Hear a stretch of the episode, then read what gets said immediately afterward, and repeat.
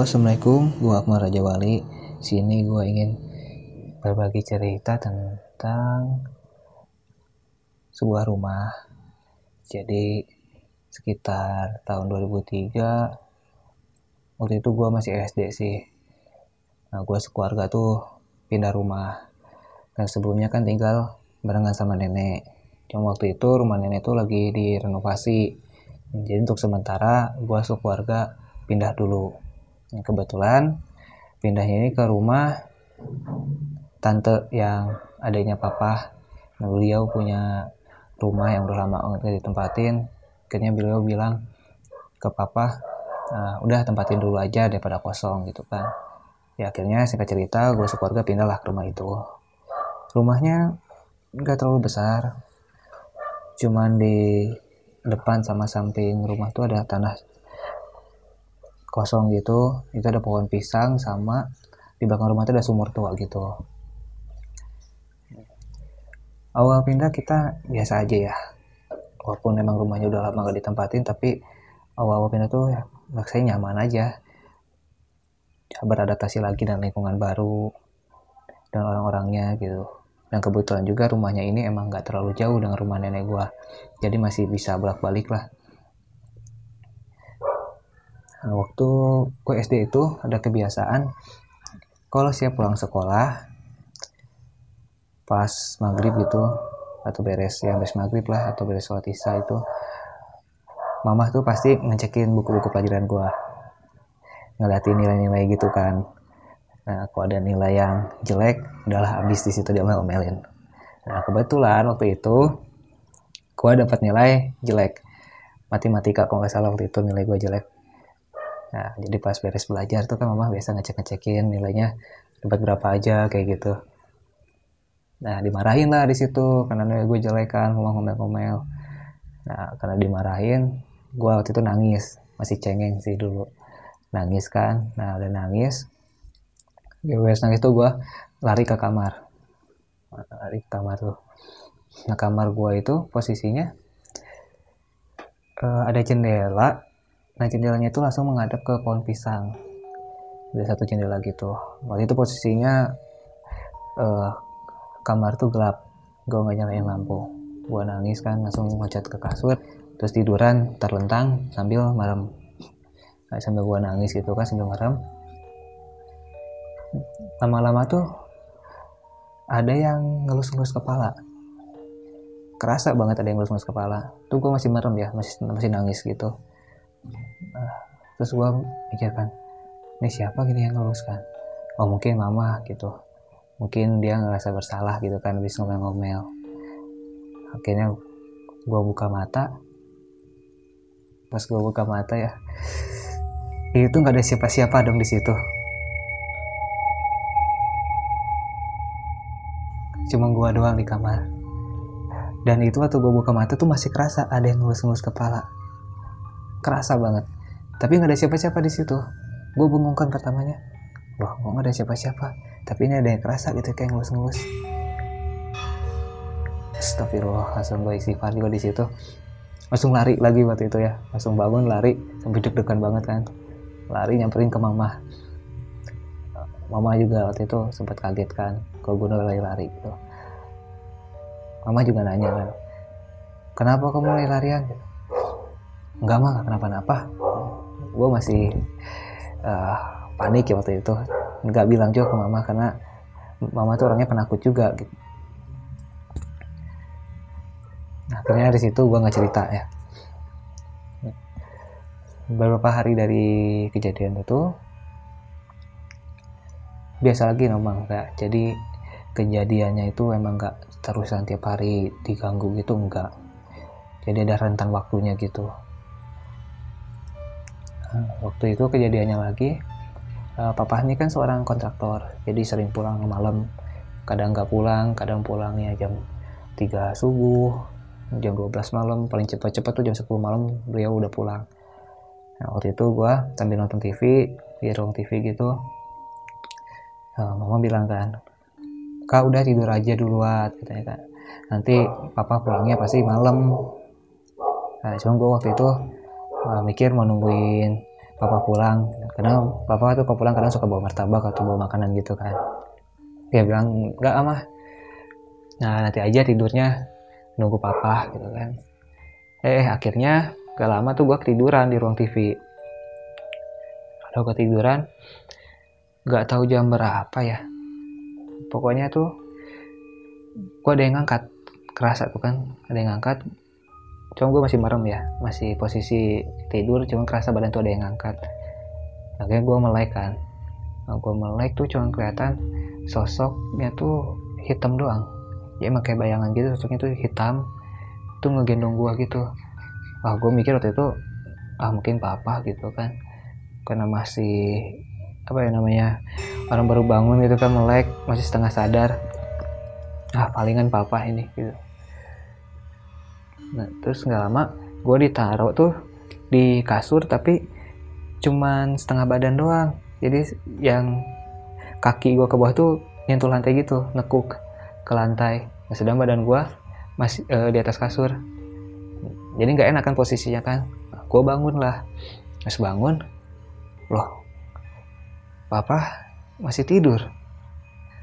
Mama juga tidur gitu kan. Ya kebetulan gue dipindahnya tuh di kam ke kamar mama sama papa sama ada adik gue yang masih kecil waktu itu masih TK lah kata gue kan terus yang bedain siapa? Gitu.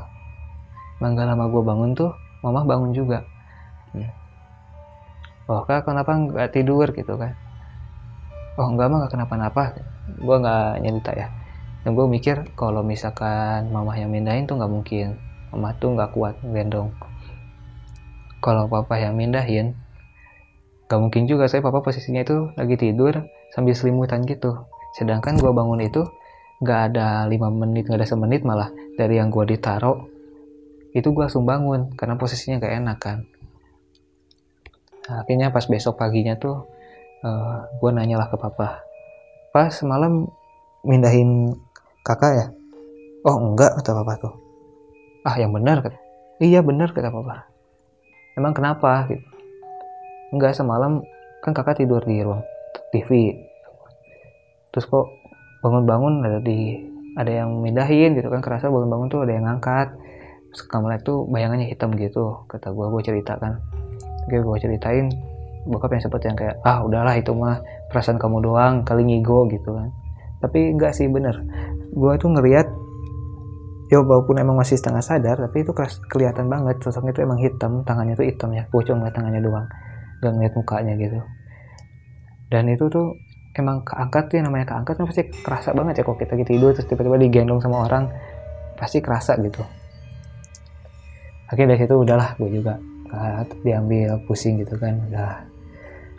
Nah kejadian berikutnya lagi ya kayak biasa gitu kan gue kalau bis maghrib atau surat isya tuh belajar. Jadi waktu itu gue di rumah tuh cuman berdua berdua sama mama doang. Nah kebetulan papa tuh kan belum pulang. Nah adik gue yang TK ini eh maaf masih belum TK waktu itu masih kecil. Oh dia lagi di rumah nenek. Jadi gue di rumah tuh cuma berdua sama mama. Nah, posisinya itu meja belajar tuh di ruang TV menghadap kalau duduk di meja belajar ya duduk terus ngeliat ke sebelah kanan tuh langsung masuk ke pintu kamarnya mama dan papa.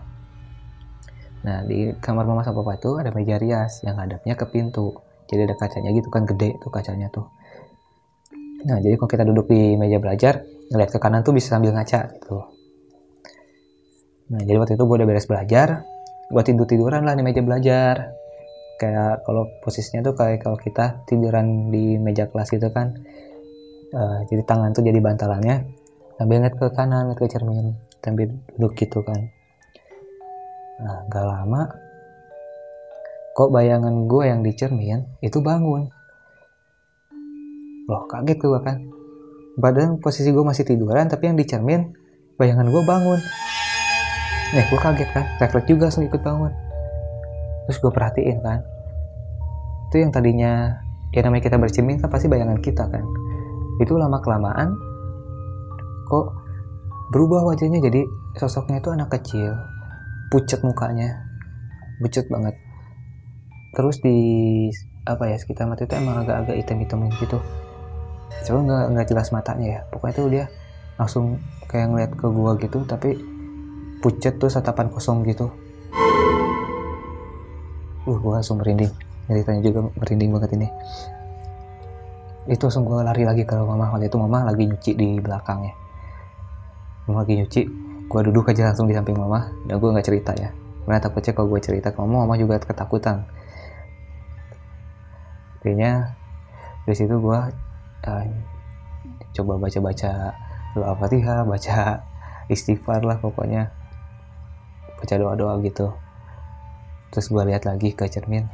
Oh udah nggak ada sosoknya. Gitu itu sekali kalinya sih ngeliat si sosok anak kecil itu. Lalu kejadian berikutnya lagi yang ini cukup apa ya kalau dibilang ekstrim sih mungkin kali ya. Jadi kejadiannya tuh beres maghrib. Adik gue nih kan masih kecil ya belum TK masih beda tiga tahun sama gue berarti dia masih umur ya lima tahunan lebih deh. Baru mau masuk TK kalau nggak salah dia tuh. Eh maaf baru ya benar baru mau masuk TK kalau nggak salah. Nah adek gua tuh bilang gini ke mama mah bikinin kopi hitam.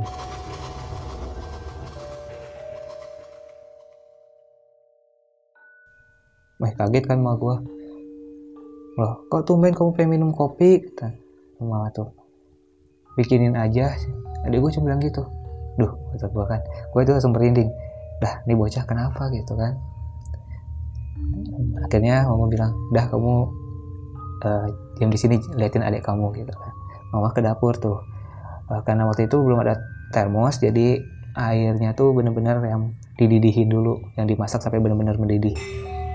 Nah gue ngeliatin tuh adik gue duduk di ruang tamu tapi nggak di sofanya. Duduknya tuh di bawah di lantai atas tembok kakinya sila terus tangannya tuh ditaruh di paha gitu. Dia nunduk aja. Jadi pas selama mama gue bikin kopi itu dia nunduk aja gitu dia nah, udah beres tuh sama gue disuguhin lah nih kade gue nih. Nah, silakan diminum kata mama gue gitu nah gak lama itu kan kopi tuh panas ya airnya tuh. Baru banget diseduh air mendidih itu langsung diminum kayak minum air putih biasa atau enggak secangkir gitu langsung glek sekali tegak minum habis langsung. Gue sama mama gue tuh langsung yang bengong gitu. Astagfirullah astagfirullah mama gue baca baca tuh. Astagfirullah astagfirullah langsung panik kan mama? Langsung loh hehehe kamu nggak kenapa-napa? Gitu kan. Mama gue langsung nampak-namparin adik gue tuh ditampar-tamparin gitu. Nah, dilihat mulutnya gitu kan karena panik kan mama. Takutnya melepuh apa ya namanya air mendidih gitu kan. Terus diminum langsung ke mulut.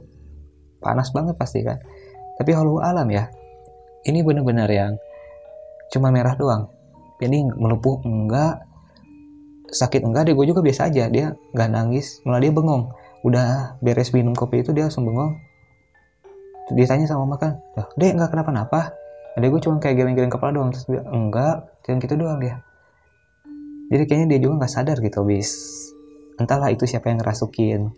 Adik gue tuh gue juga nggak tahu tuh siapa. Yang jelas tuh kopinya tuh ampas-ampasnya aja ya karena kopi hitam kan baru diaduk itu jadi ampasnya belum ngendep itu yang langsung diminum habis banget. Ya alam sih itu ya, tapi alhamdulillahnya emang adik gue kenapa-napa nggak nyampe melepuh nah itu uh, salah satu apa ya sebenarnya banyak kejadiannya.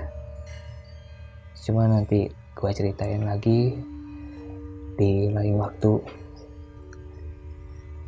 Jadi nanti bakal gue ceritain tentang siapa sebenarnya sosok penunggu rumah ini karena yang diganggu itu bukan keluarga gue doang tetangga pun sama om gue juga sempat ngalamin gangguan seperti itu nanti kelanjutannya lagi bakal gue ceritain di lain waktu. Terima kasih sudah mendengarkan.